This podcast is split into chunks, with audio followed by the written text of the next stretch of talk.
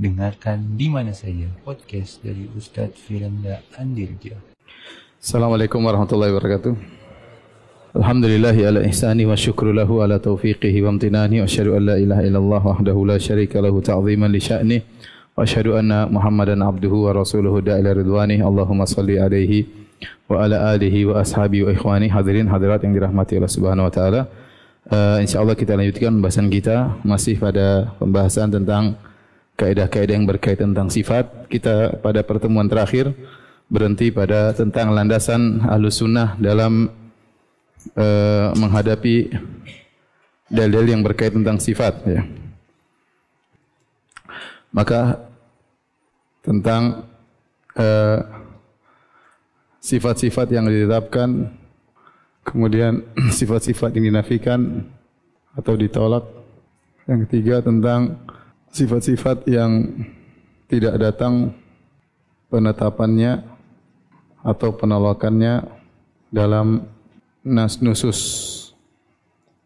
Pada pertemuan lalu telah kita bahas tentang uh, bagaimana metode ahlu sunnah tentang sifat-sifat yang ditetapkan, maka kita sudah bahas tentang logika, ya. Kemudian kita bahas juga tentang perkataan tentang sifat merupakan cabang dari dari perkataan tentang zat.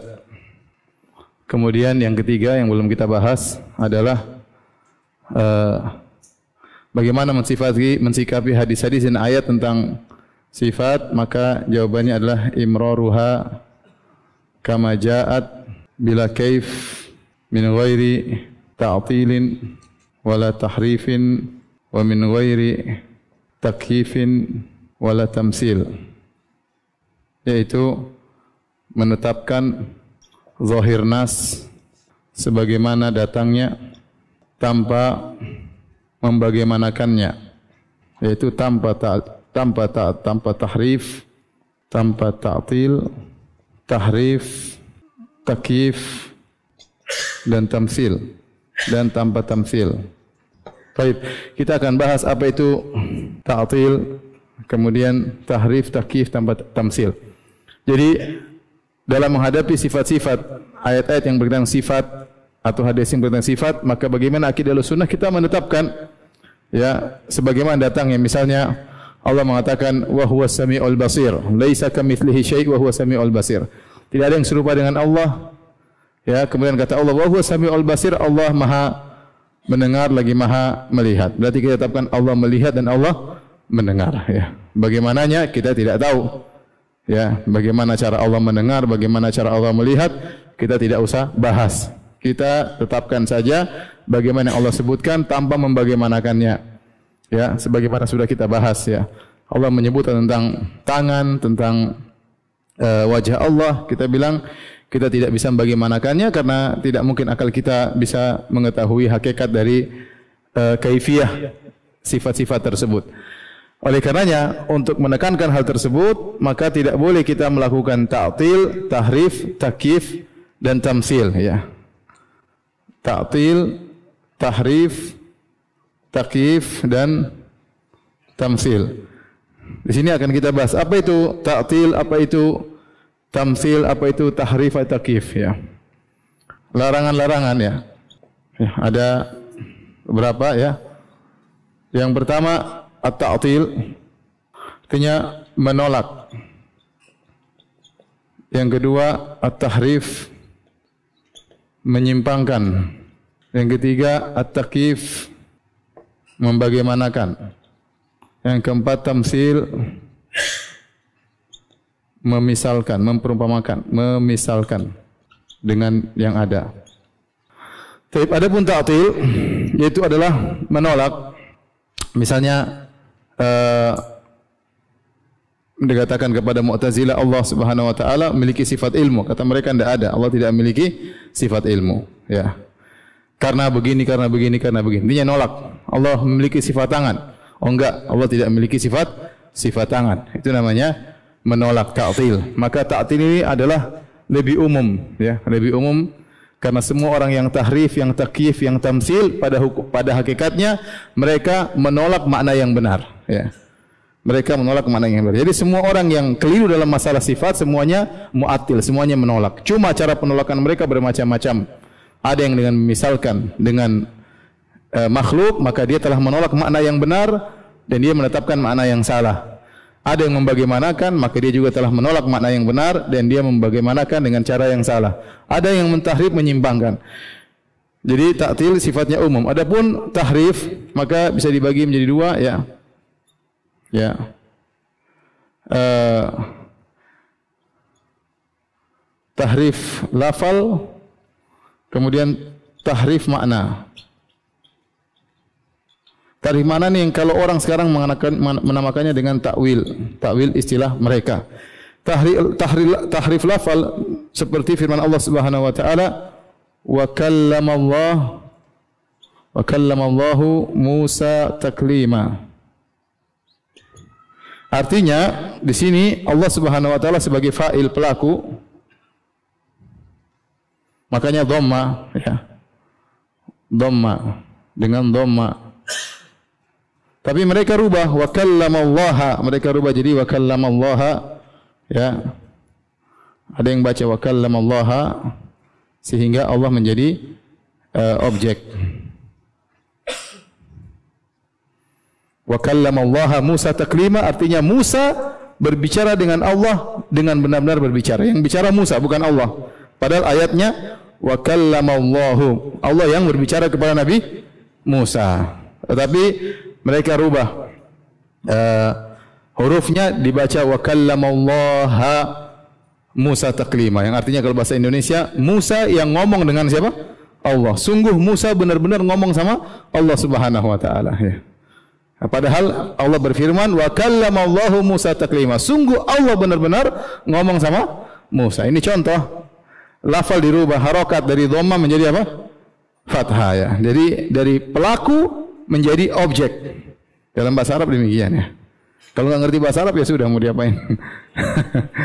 Taib. Adapun takwil maka mereka mentakwil ya seperti uh, contohnya aliyat Aliyat sama dengan an-ni'mah tangan kata mereka sama dengan nikmat atau kekuatan atau kekuatan contohnya ya. Kemudian istiwa.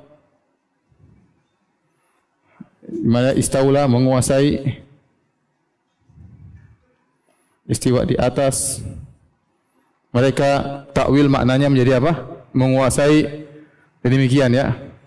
Wajah misalnya. Mereka takwil menjadi apa? Zat. Dan seterusnya. Ini namanya takwil berarti menyimpangkan apa? Makna. Paham? Menyimpangkan makna. Nah, orang yang melakukan tahrif pada hakikatnya mereka juga menolak. Itu tidak. Karena mereka menolak makna yang benar namun dengan cara tahrif. Dengan cara tahrif. Makna yang sebenarnya mereka tolak.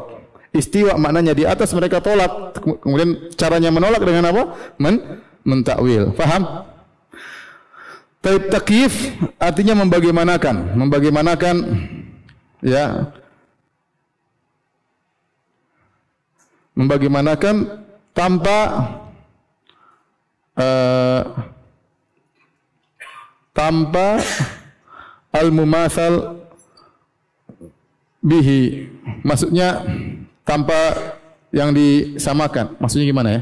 Maksudnya beda kalau tamsil. Kalau tamsil ini dengan yang ada. Seperti mengatakan tangan Allah sama dengan tangan manusia. Contoh, turunnya Allah ke langit dunia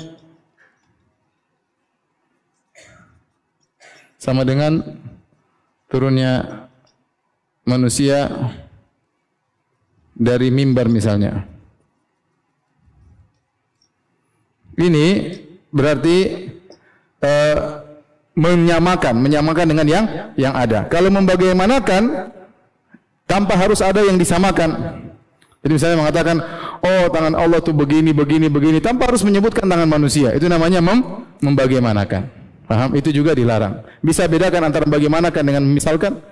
Memisalkan ada yang disemisalkan tangan Allah sebagai tangan manusia. Tapi kalau bagaimanakah? Misalnya saya bicara tentang uh, makhluk. Saya bilang, oh ada makhluk begini, kepalanya sebesar gunung, ya. Kemudian uh, tangannya sepanjang pohon kelapa misalnya. Ini namanya tidak ada yang sama, cuma saya membagaimanakan.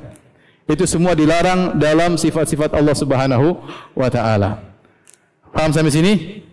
Maka kalau kita mau bikin himpunan, jadi kalau saya boleh membuat himpunan seperti ini ya. Jadi semua yang melakukan tamfil dia pasti melakukan takif. Tidaklah orang melakukan menyamakan kecuali dia pasti mem membagaimanakan. Maka tamsil ini lebih lebih spesifik daripada apa? Takif. Tetapi semua yang mentamsil dia pasti men takif. Namun tidak semua yang mentakif men mentamsil. Faham? Kemudian semua yang mentahrif pasti apa? Mentaktil. Karena tidaklah dia mentakrif kecuali dia menolak makna yang sesungguhnya ya. Tinggal apakah setiap yang mentakif itu mentahrif ya.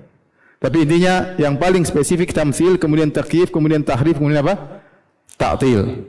Nah, semua ini disebut dengan mu'attil. Karena orang yang melakukan tamsil, takyif dan tahrif, dia menolak makna yang benar. Paham sampai di sini? Saya rasa kurang paham ya. Saya ulangi, semua orang yang melakukan tahrif dia pasti mentaktil, pasti menolak. Karena semua yang menolak makna yang benar dikatakan mu'attil. Cuma cara penolakan ini bermacam-macam. Ada yang menolak dengan mentahrif, ada yang menolak dengan mentakyif, ada yang menolak dengan apa? Tamsil. Karena tamsil, takyif, tahrif ini semua salah. Berarti dia menolak makna yang yang benar. Faham sampai sini? Muncul kaidah ya. Kullu mumassilin mu'attilun. Semua yang mentamsil pasti mu'attil. Dan sebaliknya kullu mu'attilin mumassil. Semua yang mentaktil pasti mumassil. Kaidah berikutnya, setiap yang menyamakan pasti dia menolak. Dan itu benar ya karena kalau tatkala dia menyamakan tangan Allah dengan tangan manusia berarti dia menolak tangan Allah yang sebenarnya karena tangan Allah yang sebenarnya bukan seperti tangan manusia. Faham? Maka setiap orang yang menyamakan pasti dia menolak mana yang benar. Sebaliknya setiap orang yang menolak pasti pasti dia mumasil. Kenapa? Karena tidaklah dia menolak kecuali sebelumnya dia sudah mentamsil Allah di benaknya. Sebelum dia menolak dia pasti mentamsil Allah di benaknya. Misalnya dia mengatakan Allah tidak mungkin berada di atas. Sebelum dia menolak dia pikir dulu.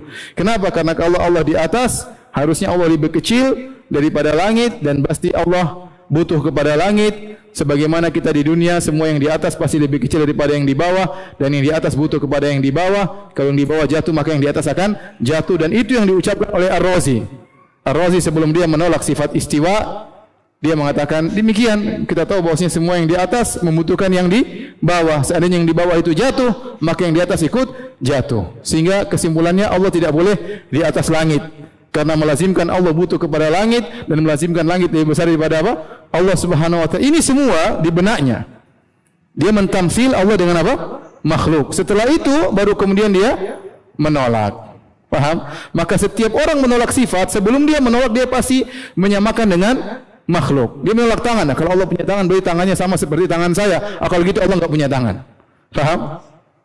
Jadi sebelum dia menolak dia pasti sudah mentamsil. Maka kaidah kita setiap penolak dia pasti mentamsil. Menyerupa menyerupa makan. Faham? Kalau paham alhamdulillah ya. Hapus kalau sudah. Foto dulu sebentar. Sudah biar saya hapus, biar saya hapus. Sudah ya? Baik, sekarang kita bahas yang kedua adalah bagaimana tentang sifat-sifat yang dinafikan atau uh, ditolak. Ada beberapa kaidah yang berkaitan dengan bagaimana sikap ahlu sunnah terhadap sifat-sifat yang dinafikan atau ditolak. Beberapa kaidah bahwasanya yang pertama tujuan dari penolakan sifat tertentu adalah untuk menjelaskan kesempurnaan lawannya, sifat lawannya, lawan sifat tersebut. Contoh, contoh. Allah mengatakan la ta'khudhuhu sinatu wala naum. La ta'khudhuhu sinatun wala naum. Allah tidak tidur, tidak ngantuk dan tidak tidur. Apa tujuan Allah menolak Allah tidak ngantuk dan tidak tidur adalah untuk menetapkan lawannya yaitu Allah Al-Hayyu Al-Qayyum, Maha hidup ya dan Maha mengatur ya. Maha mengatur yang lain. Oleh karenanya Allah menolak sifat ngantuk dan tidak tidur ini bukan ini saja semerta-merta tapi tujuannya adalah untuk menetapkan lawan daripada sifat ngantuk dan sifat tidur yang sempurna. Apa lawan yang ngantuk dan tidur yaitu terjaga. Yaitu Allah Maha ter terjaga. Paham? Allah Maha terjaga. Jadi kaidah pertama tujuan Allah menafikan sifat-sifat tersebut bukan sekedar menafikan tetapi untuk menetapkan lawannya yang sempurna. Lawan dari tidur dan ngantuk adalah terjaga. Berarti Allah Maha terjaga. Al-Hayyul Qayyum Maha hidup, Maha terjaga, ya, Maha mengatur yang yang lainnya. Contoh misalnya firman Allah Subhanahu wa taala, "Wa ma massana min lugub." Bahwasanya kami tidak ditimpa dengan keletihan.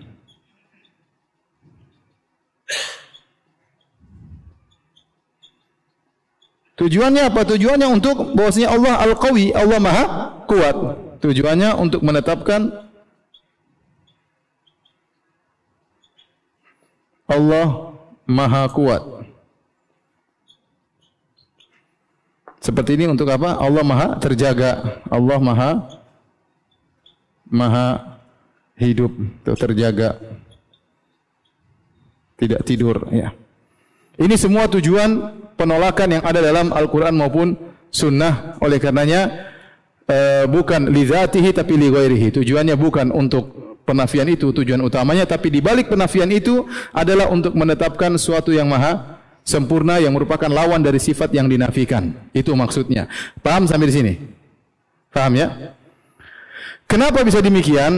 Kenapa bisa demikian? Kenapa?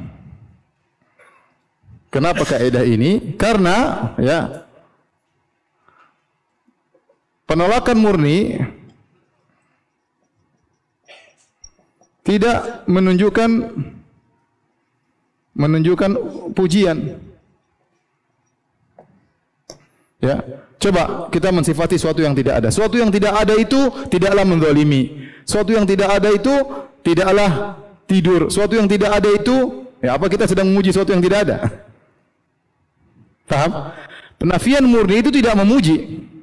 Tetapi pujian itu pada sifat yang ditetapkan. Saya kapan memuji? Saya bilang orang seorang tidak tidur. Tapi kalau saya bilang dia tidak tidur karena dia kuat, dia hebat, baru pujiannya pada kuat dan hebatnya tersebut, bukan pada penafiannya. Paham? Karena kita bisa mensifati sesuatu yang tidak ada dengan banyak penafian. Sesuatu yang tidak ada itu al-adam namanya bahasa Arab. Al-adam tidaklah benzalimi, tidaklah makan, tidaklah tidur, tidaklah, tidaklah, tidaklah dan kita tidak sedang memuji dia.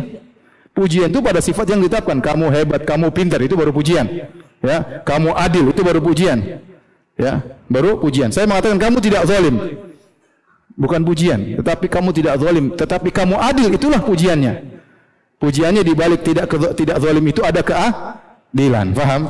Penafian secara murni tidak menunjukkan pujian. Ini yang pertama, yang kedua bisa jadi dinafikan karena tidak karena tidak tidak bisa disifati dengan sifat tersebut. Kalau dalam bahasa Arab disebut li adamil qabiliyah, li adamil al qabiliyah. Contoh, saya mengatakan dinding tidak zalim. Dinding tidak zalim. Dinding tidak dinding tidak bodoh ya. Apakah saya sedang memuji dinding? tidak, karena dinding memang tidak bisa disifati adil dan zalim, faham? Tapi kita bilang dinding tidak zalim benar, dia tidak pernah menzalimi.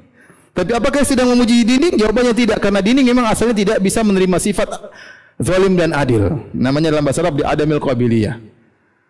Sehingga tidak bisa kita hanya bisa memuji orang tidak zalim kalau dia memang bisa zalim dan bisa adil. Baru kita mengatakan kamu tidak zalim berarti dia adil. Pujiannya pada adilnya atau tidak zalimnya? Pada adilnya. Paham? Masya Allah. Orang Bintaro paham ya. Taib. Dinding tidak bodoh juga bukan pujian. Karena dinding tidak bisa disifati pintar dan bodoh. Paham? Maka penafian murni itu tidak menunjukkan pujian. Saya sedang menjelaskan kaidah ini bahwasanya Allah dipuji bukan penafiannya tapi pada penetapan sifat yang merupakan lawan dari sifat yang ditolak. Faham? Antum terima aja kaidah ini, nanti akan kita bahas ke depan kenapa kaidah ini perlu nanti ya. Tapi yang ketiga, bisa jadi ditolak sifat darinya, ditolak sifat buruk darinya karena tidak mampu. Contoh, syair berkata, Kubailatin, kubailatun, la yaqdiruna bi zimmatin, wala yadlimuna nasa habbata khardalin. Tahu artinya? artinya, kabilah kecil, ini artinya, kabilah kecil tidak pernah berkhianat dan bahkan tidak pernah mendolimi orang-orang sedikit pun. Kenapa dia tidak pernah berkhianat dan tidak pernah mendolimi? Karena dia kabilah kecil, faham? Dia tidak mendolimi karena tidak mampu untuk berbuat zalim. Dia tidak berkhianat karena dia tidak mampu berbuat apa? Pengkhianatan. Faham? Beda dengan syair penyair lain berkata, walakinna walakinna qaumi wa in kanu zawi adadin. Ya. Adapun kaumku meskipun jumlah mereka banyak ya.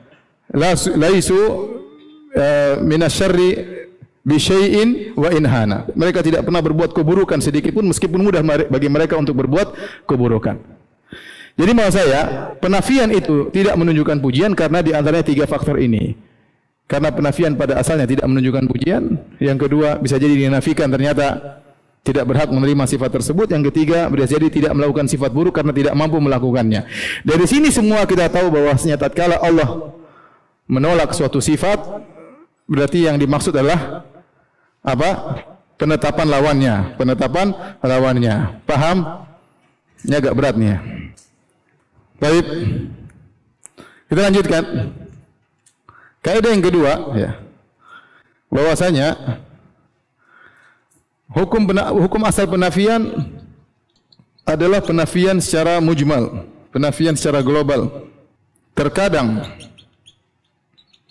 Allah menafikan secara terperinci karena ada sebab. Sebab tertentu. Taib, Hukum asal penafian dalam penafian adalah penafian secara global. Contoh seperti firman Allah Subhanahu wa taala ini contohnya kata Allah Subhanahu wa taala laisa kamitslihi syai. Tidak ada sesuatu pun yang serupa dengan Allah. Penafiannya global. Tidak ada yang serupa dengan Allah. Ini lebih hebat dalam pujian. Tidak ada yang serupa dengan apa? Allah Subhanahu wa taala. Contohnya uh, walam yakun lahu kufuwan ahad. Lahu kufuwan ahad. Tidak satu pun serupa dengan Allah. Contohnya hal ta'lamu lahu samiyya. Apakah kau tahu ada yang serupa semirip dengan Allah? Jawabannya tidak.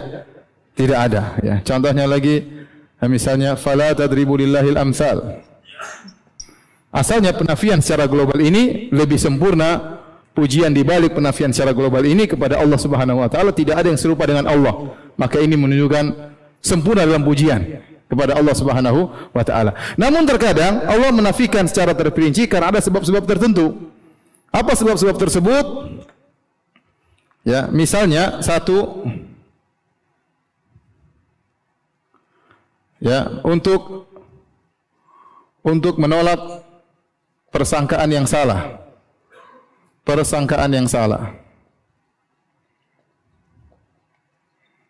Contoh, Allah berfirman, "Wa tawakkal 'alal hayyil ladzi la yamut." Bertawakallah engkau kepada zat yang maha hidup yang tidak mati. So, mungkin ada yang menyangka Allah ini hidup tapi bisa jadi disusul dengan kematian. Maka Allah tolak persangkaan tersebut. Menolak persangkaan yang apa? Yang salah. Contoh ya. Lagi seperti firman Allah Subhanahu wa taala, "Wa laqad khalaqna samawati wal arda wa bainahuma fi sittati ayyam wa ma masana min lughub." Sungguh kami telah menciptakan langit dan bumi pada waktu enam hari. Orang mungkin berpikir kan hari ada tujuh. Terus hari ketujuh Allah ngapain? Jangan-jangan Allah istirahat, maka dibantah. Allah hari ketujuh pun tidak capek, cuma memang Allah cukup enam hari menciptakan langit dan bumi. Maka Allah mengatakan kami tidak ditimpa dengan rasa letih. Itu karena menolak persangkaan orang yang mungkin muncul persangkaan tersebut. Contoh lagi, misalnya kata Allah Subhanahu Wa Taala, kata Nabi SAW waktu ada sahabat yang berzikir keras-keras Allahu Akbar, Allahu Akbar, Allahu Akbar. Maka Nabi berkata, Arbi'u ala anfusikum. Cukuplah kalian berzikir dengan suara yang lirih untuk diri kalian. Fa innakum la tad'una asamma wala ghaiban. Karena kalian sedang tidak menyuruh zat yang tuli dan gaib. Ya, menunjukkan bahwasanya Allah mendengar apa yang mereka ucapkan dan Allah tidak tuli. Di sini ditolak sifat tuli dari Allah Subhanahu wa taala. Kenapa? Karena khawatir timbul persangkaan yang keliru. Paham? Maka Allah menafikan secara rinci. Paham ini? Yang kedua, ya, untuk membantah membantah tuduhan yang keliru terhadap Allah. Ya. Seperti tadi orang-orang Yahudi mengatakan Allah capek pada hari Sabtu. Maka Allah bantah wa ma masana min lugub. Kami tidak ditimpa dengan keletihan. Kenapa orang-orang Yahudi mengatakan Allah Subhanahu wa taala pada hari Sabtu istirahat? Ya, istirahat ya. Makanya sudah saya sampaikan orang-orang Yahudi akhirnya hari Sabtu tidak mau bekerja sebagai bentuk solidaritas kepada Allah Subhanahu wa taala. Allah tidak kerja mereka sok kerja, tidak boleh ya. Terus yang ketiga ya. Uh, untuk menekankan sifat yang ditetapkan. Ini contohnya tadi surat ayat, ayat kursi ya. Allahu apa? Di ayat kursi? Ya. Huwal hayyul qayyum. Dialah Allah yang maha hayyu maha hidup dan maha qayyum yaitu dia tegak di atas dirinya dan dia mengatur yang lainnya. Kemudian Allah mengatakan la ta'khudhuhu sinatu wala naum. Allah tidak ngantuk dan tidak tidur untuk menekankan sifat al-hayyu dan al-qayyum. Maka Allah menafikan untuk menekankan sifat sebelumnya. Contoh seperti dalam hadis kata Nabi sallallahu alaihi wasallam dalam hadisnya Antal awwalu wa laisa qablaka syai'. Ya Allah, sungguhnya engkau adalah yang maha awal. Kemudian Allah menafikan dan tidak ada sebelum engkau satu pun. Ini untuk apa? Untuk menekankan Allah maha awal. Wa antal akhiru dan engkau adalah yang maha akhir. Wa laisa ba'daka syai dan tidak ada setelah engkau yang yang yang ada setelah engkau. Ini penafian ini untuk menekankan sifat antal akhiru. Wa anta zahiru, engkau yang maha zahir. Wa laisa fawqaka syai. Tidak ada satu pun yang di atas engkau. Engkau yang zahir, engkau yang paling atas. Wa antal batin wa laisa dunaka syai dan engkau yang paling batin artinya engkau yang paling mengetahui segala yang tersembunyi tidak ada yang lebih mengetahui daripada daripada engkau. Maka ini contoh datang penafian untuk menekankan sifat sebelumnya. Ini penafian penafian secara terperinci. Mana sudah hang belum?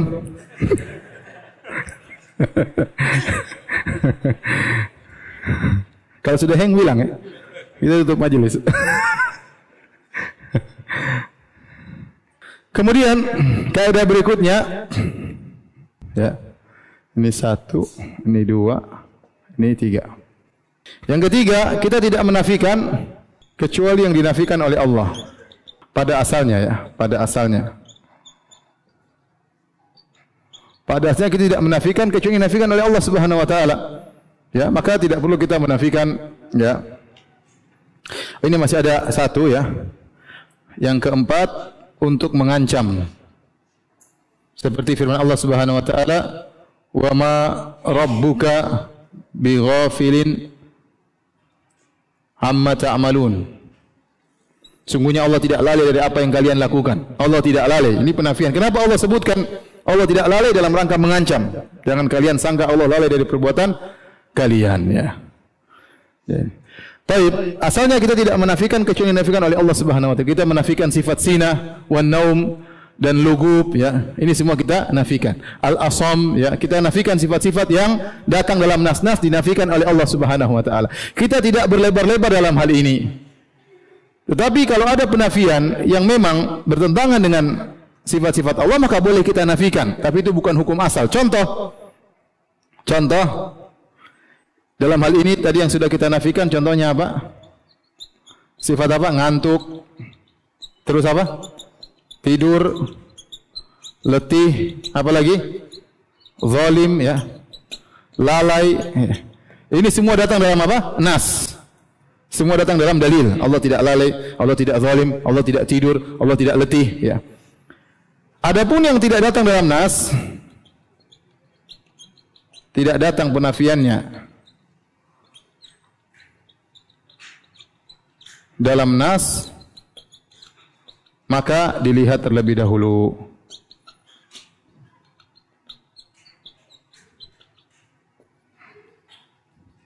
Contoh di Injil atau di Taurat disebutkan Allah apa sedih. Kemudian apa? Menangis ya. Kemudian apa? Menyesal. Ini dalam dalam Taurat atau di Injil disebutkan sifat ini. Allah sedih, Allah menangis, Allah apa? Menyesal. Kita tatkala ditanya, apakah Allah sedih? Apakah Allah menangis? Allah menyesal? Kita bilang enggak. Kita menafikan. Ya. Meskipun tidak ada dalilnya. Kenapa? Karena ini bertentangan dengan sifat-sifat Allah Subhanahu wa taala. Seperti Allah Al-Qawi, Allah Maha Kuat. Ngapain Allah sedih? Ngapain Allah apa? Nangis. Kemudian menyesal. Ngapain Allah menyesal? Allah sudah tahu apa yang Allah kerjakan, ya. Menyesal itu kalau tidak tahu apa yang dia kerjakan, oh salah ternyata. Saya menyesal. Ternyata tidak benar ya, misal. Ya, saya kira dia cantik ternyata eh, matre misalnya. menyesal. Misalnya ya, ya. Maka ini contoh kita boleh tolak setelah kita timbang dengan dalil-dalil yang ada. Tapi saya anggap antum paham ya.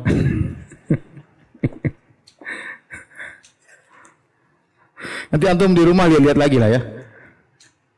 Logika ini hukum asal dalam ahlu sunnah dalam memuji Allah dengan sifat-sifat yang ditetapkan, bukan sifat dicela. Berbeda dengan ahlul bidah. Ahlul bidah mereka mensifati Allah hukum asalnya dengan penafian. Allah tidak zalim, Allah tidak ini, Allah tidak ini, Allah tidak ini, Allah tidak ini. Ya.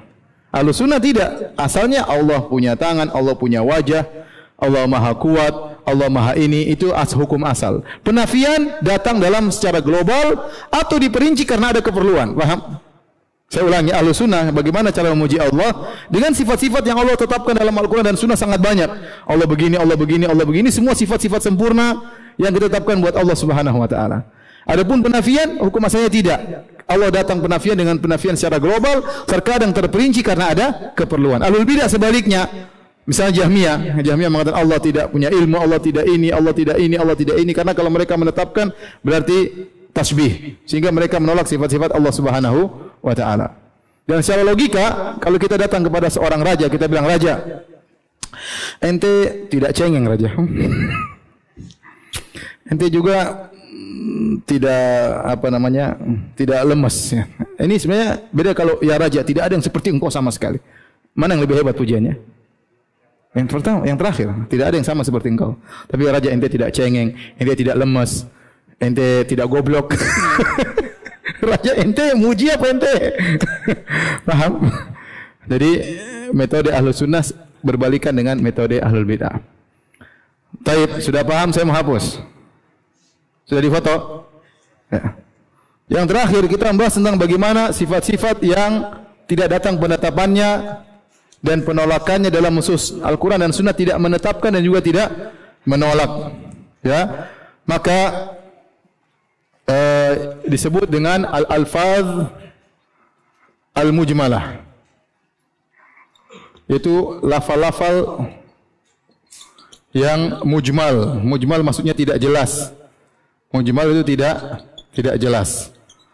Ya, karena tidak dinafikan dan tidak ditetapkan oleh Al-Qur'an dan Sunnah. Tidak dinafikan, tidak ditetapkan. Bagaimana mensikapinya? Bagaimana mensikapinya? Jawabannya diperinci, ditafsil, diperinci. Jika maksudnya makna yang benar, maka diterima. Jika maksudnya makna yang batil, maka ditolak. Contoh, contoh, ya. misalnya lafal al-jism, jisim, itu jism, benda ber, ber, berzat ber, apa namanya berbentuk dan macam-macam. Jism tidak datang dalam Al-Qur'an maupun hadis bahwasanya Allah tidak berjism. Dan juga tidak datang dalam Al-Qur'an Allah berjism. Faham? Tidak dalam Quran penolakan dan tidak dalam hadis maupun Quran penafian. Kalau ada orang mengatakan Allah tidak jism, kita bilang tunggu dulu, apa maksud Anda jism? Apa maksudnya? Maka kita bilang apa maksud Anda dengan jism? Kalau maksudnya jism adalah badan yang berdaging dan bertulang, maka jawabannya apa kita? Kita tolak. Paham? Kita tolak. Tapi kalau jism maksudnya adalah zat, ya, maka kita terima. Apa maksud anda berjisim? Kalau uh, berjisim maksudnya Allah memiliki zat, ya benar, Allah berjisim. Ya, Allah berjisim. Paham? Contoh misalnya, yang kedua, misalnya adalah al-jihah. Kata mereka Allah tidak berjihah. Allah tidak berjihah. Allah tidak berjihah. Berjihah itu maksudnya arah. Ya. Kita bilang, tunggu dulu, apa maksudnya? Apa maksudnya Allah tidak berarah? Kalau maksudnya bahwasanya Allah ya dinaungi oleh langit ya, ya atau ruang hampa misalnya maka ini kita tolak kita tolak karena Allah Subhanahu wa taala Maha Allahu Akbar. Tidak ada yang di atas Allah Subhanahu wa taala dan tidak ada yang menaungi Allah Subhanahu wa taala. Alam semesta sangat kecil bagi Allah kata Allah Subhanahu wa taala, wal ardu jami'an qabdatuhu yaumal qiyamah. Bumi seluruhnya di dalam genggaman tangan Allah Subhanahu wa taala. Di dalam dalam genggaman tangan Allah. Was samawati langit yang begitu besar tujuh tujuh tujuh tingkatan matwiyatun bi yaminih dilipat dengan tangan kanan Allah. Paham? Ini alam semesta ini kecil di sisi Allah Subhanahu wa taala. Bagaimana kemudian kita bilang Allah di arah berarti Allah diliputi, ada arah yang meliputi Allah dari atas dan bawah? Enggak. Kita bilang kalau maksudnya Allah di arah, Allah diliputi oleh arah, maka kita tolak. Paham? Tapi kalau maksudnya jihad, maksudnya Allah maha tinggi di atas seluruh makhluknya,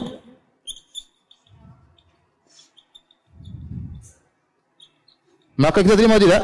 Kita terima ya. Kita terima. Allah di atas Allah tidak butuh dengan makhluknya sama sekali. Karena sering saya sampaikan tidak semua yang di atas lebih kecil daripada yang di bawah dan tidak semua yang di atas butuh yang kepada di bawah. Contoh sederhana adalah langit dan bumi. Langit lebih besar daripada bumi padahal dia di atas dan langit tidak butuh kepada bumi padahal langit di atas. Allah demikian juga. Allah di atas langit dan Allah di atas bumi Inna Allah yumsiku samawati wal ardu antazula. Allah yang memegang langit dan bumi agar tidak bergeser, agar tidak rusak. Allah di atas langit dan Allah yang mengatur langit. Langit yang butuh kepada siapa? Allah Subhanahu wa taala. Bumi yang butuh kepada Allah Subhanahu wa taala, ya. Paham? Ini contoh. Maka ditanya dulu, jihad maksud maksud Anda apa? Azan ya? Iya, azan, azan dulu. Sedikit lagi. Baik, contoh yang ketiga, ya. Misalnya at-tasbih. Itu Allah tidak tasbih dengan makhluknya. Baik, kita tanya, apa maksudnya Anda dengan tasbih? Ya. Jika maksudnya tasbih sama dengan tamsil, bahwasanya Allah sama dengan makhluknya dari segala sisi, yaitu Allah sama dengan sifat makhluknya dari semua sisi, maka kita tolak. Tapi kalau maksudnya tasbih sama dengan menetapkan sifat, sifat yang kita paham maknanya tanpa membagaimanakannya, maka kita terima. Ya. Makanya orang-orang ahlul bidah menamakan ahlus sunnah dengan musyabbihah, tukang tasbih. Ya, bilang Allah punya tangan. Kita bilang iya, Allah punya tangan, kita juga punya tangan, tapi tangan ber berbeda, tidak sama, ya. Kalau ente bilang tasbih maksudnya tangan Allah dengan tangan kita sama, ya kita tolak. Tapi kalau kita bilang Allah punya tangan, kita punya tangan, tangan berbeda itulah akidah Ahlussunnah wal Jamaah. Sebagaimana Allah punya wajah, kita punya wajah, wajah ber berbeda, ya. Wajah Allah kalau dilihat adalah puncak kenikmatan di surga mengalahkan bidadari. Wajah ente dilihat kadang bikin masalah. Paham? Jadi bagaimana menamakan menyamakan wajah manusia dengan wajah Allah Subhanahu wa taala, ya. Kata Allah Subhanahu wa taala hijabuhu kata Nabi sallallahu alaihi wasallam hijabuhun nur. walau kasyafahu la ahraqat subhat wajhi man ta ilaihi basarahu min khalqihi. Sungguhnya hijab Allah adalah cahaya. Seandainya Allah mensikap menyikap menyingkap cahaya tersebut, maka subhat cahaya wajahnya akan membakar seluruh yang sampai pada pandangan Allah Subhanahu wa taala. Ya, wajah Allah ada subhat, ada cahayanya. Kemudian sama yang lain seperti misalnya kekuatan ya. Kita bilang kita punya kekuatan, Allah juga punya apa? Kekuatan. Tapi kekuatan kita dengan kekuatan Allah tentu berbeda. Jadi kalau maksudnya tasbih adalah menetapkan sifat, maka kita terima. Ya, bahwasanya Allah Subhanahu wa taala ditetapkan sifatnya. Tapi kalau tasbih maksudnya tamsil, maka kita bilang kita tolak ya. Sementara sampai sini aja dulu ya, karena saya lihat antum sudah hang ya. Tidak uh, bisa dipaksa ya. ya. Insya Allah kita lanjutkan pada pertemuan berikutnya. Kalau yang bertanya saya persilahkan. Allah taala alam miswab. Silakan. Belum, belum. Sudah. Tadi sudah diingatkan. Nanti. Ya, belum dibahas tafwid, belum dibahas macam-macam takwil nanti. Ada yang bertanya? Hmm. Saya mau cerita dulu ya. Saya mau cerita. Jadi disebut dalam hadis yang sahih uh, Luqman Al-Hakim yang Allah sebut dalam surat Luqman. Ya. Sudah saya pernah cerita ya? Belum ya? Jadi Luqman Al-Hakim dia datang, dia hidup di zaman Nabi Daud alaihissalam. Kemudian dia melihat Nabi Daud sedang membuat baju perang besi dia dia dia apa namanya eh, pilin besi tersebut karena uh, Wa alanna lahul hadid. Nabi Daud alaihissalam di mujizatnya membuat besi menjadi lembut. Dia pegang jadi lembut. Besi yang kuat kalau dipegang oleh Nabi Daud bisa jadi lembut. Seperti tanah liat, mudah diolah oleh Nabi Daud alaihissalam. Waktu Luqman melihat Nabi Daud sedang membuat sesuatu, Luqman mau bertanya. Tapi hikmah yang dia miliki membuat dia tidak bertanya. Dia tahan. Ternyata benar setelah Nabi Daud selesai bikin dia mengatakan uh, ni'mat dira hadhihi. Sebaik-baik baju perang adalah yang saya buat ini. Tadinya Luqman mau tanya, ini buat apa? Tapi dia hikmahnya membuat dia diam, ternyata Nabi Daud menjawab sebelum dia bertanya. Paham? Jadi ada orang hikmah jangan tukang tanya ya. Tunggu dijawab dulu nanti satu saat mungkin dijelaskan. Jangan buru-buru maksudnya. Paham? Paham tidak? Saya nggak tahu orang Bintaro paham tidak? Itu sindiran-sindiran yang apa namanya vulgar. Jadi tidak semua, banyak kali karena berulang-ulang dalam permasalahan nanti belum dibahas sudah ditanya ya. Misalnya tanya tentang Nabi bicara tentang Nabi Yusuf, kemudian baru setengah penjelasan Ustadz Nabi Yusuf atau Nabi Yusuf matinya bagaimana? Belum masih awal. Baru cerita awal sudah tanya bagaimana matinya. Sabar ya, akhi. Mungkin matinya seri keempat, seri kelima, sabar. Tapi pertanyaan berikutnya, bagaimana kalau kita mempunyai Al-Quran dengan terjemahan yang ditakwil? Apakah masih boleh membaca memahami artinya atau bagaimana cara mensikapinya? Ya, kita tahu terjemahan tersebut apa? Keliru. Itu aja penting. Kalau kalau kita cari terjemahan yang lebih baik, ada Alhamdulillah. Kalau enggak mungkin kita kasih tanda. Mau kita coret boleh. Bahwa sini takwil sebagai peringatan. Ya. Suatu saat kalau kita baca lagi atau anak kita baca lagi tahu ini adalah apa? Takwil. Di terjemahannya kita uh, coret misalnya ganti dengan makna yang benar. Ada lagi yang bertanya? Ya. Sesuatu yang apa? Ya salah, berarti bayangannya keliru. Kata Allah, "Laisa kamitslihi syai." Tidak ada satu pun yang serupa dengan Allah. Apa yang pun kita bayangkan pasti keliru. Yang kita perlu bayangkan adalah keagungan Allah Subhanahu wa taala. Makanya tatkala Nabi berkata, ya, apa itu ihsan? Anta budallaha ka'annaka tarah engkau beribadah kepada Allah seakan-akan engkau melihat Allah. Maksudnya dengan ilmu ilmumu yang sangat kuat, kau menghadirkan keagungan Allah Subhanahu wa taala, bahwasanya Allah Maha melihat, Allah mendengar, seakan-akan kau sedang berbicara langsung dengan Allah. Makanya dia mengatakan ka'annaka seakan-akan kau melihatnya.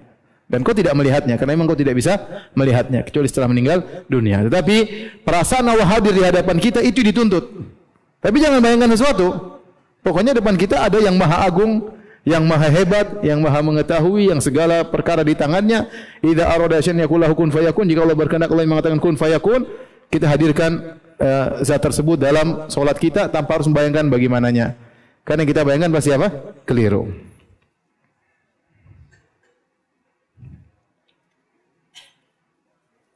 Ustaz mohon berikan motivasi kepada kami yang mengamalkan sunnah berjenggot dan celana cingkrang. Karena saat ini sedang terfitnah gara-gara adanya suatu peristiwa. Ya sabar ya. Antum tunjukkan bahwasanya jenggot dan cingkrang itu orang yang ramah ya, orang yang ramah ya. Bukan orang yang sangar, ramah dengan sama ya. Jangankan dengan sama muslim, terkadang kita bertetangga dengan orang kafir pun kita kita ramah ya. Dan itu dilakukan oleh Nabi wasallam bagaimana Nabi ramah ya bahkan terhadap orang berbeda agama ya, apalagi sama muslim. Tatkala kita menyampaikan kebenaran, menyampaikan kebenaran tanpa harus kita ribut, tanpa harus kita maki-maki ya.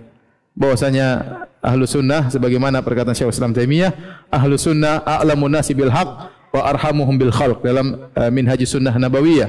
Ahlu sunnah wal jamaah adalah orang yang paling mengerti tentang kebenaran dan yang paling sayang kepada sesamanya, kepada sesama manusia. Bagaimana sikap kita terhadap ustadz yang mensifati Allah dengan nama keren, maha keren, maha romantis?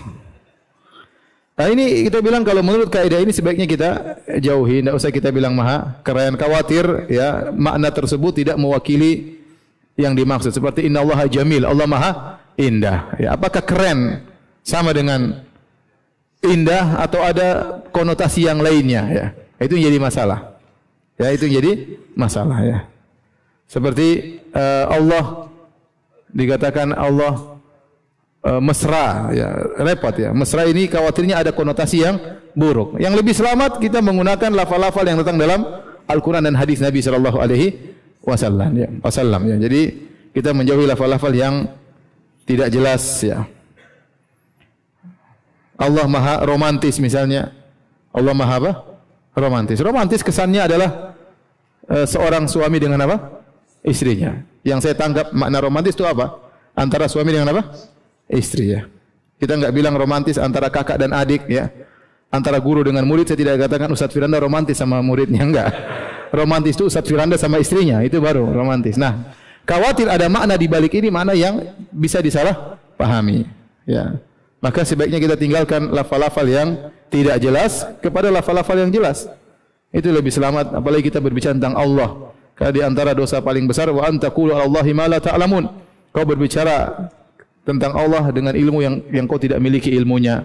Itu dosa besar. Bagaimana jika ada seseorang yang meragukan adanya kehidupan di alam akhirat? Apakah dia tergolong kafir karena masih ragu dengan adanya kebangkitan setelah kematian? Padahal dia sendiri melaksanakan solat dan Islam agamanya. Ya, ini bahaya. Ini berarti tidak beriman dengan rukun iman yang kelima. Ya, iman bil yaumil akhir tentang hari kebangkitan, maka harus dijelaskan. Ya, dijelaskan kepada dia ya. Yang kita jelas kita harus punya dalil ya. Sebutkan dalil, kita pelajari apa itu iman bil yaumil akhir, kita terangkan kepada dia secara dalil, secara nakli, secara akli, secara dalil, secara logika. Karena sangat logis bahwasanya mungkin terjadi hari uh, kiamat, hari kebangkitan. Maka kita perlu belajar untuk menjelaskan kepada dia agar dia terhindarkan dari kekufuran tersebut. Demikian saja kajian kita. Subhanakallah bihamdik asyhadu an la ilaha anta. Assalamualaikum warahmatullahi wabarakatuh.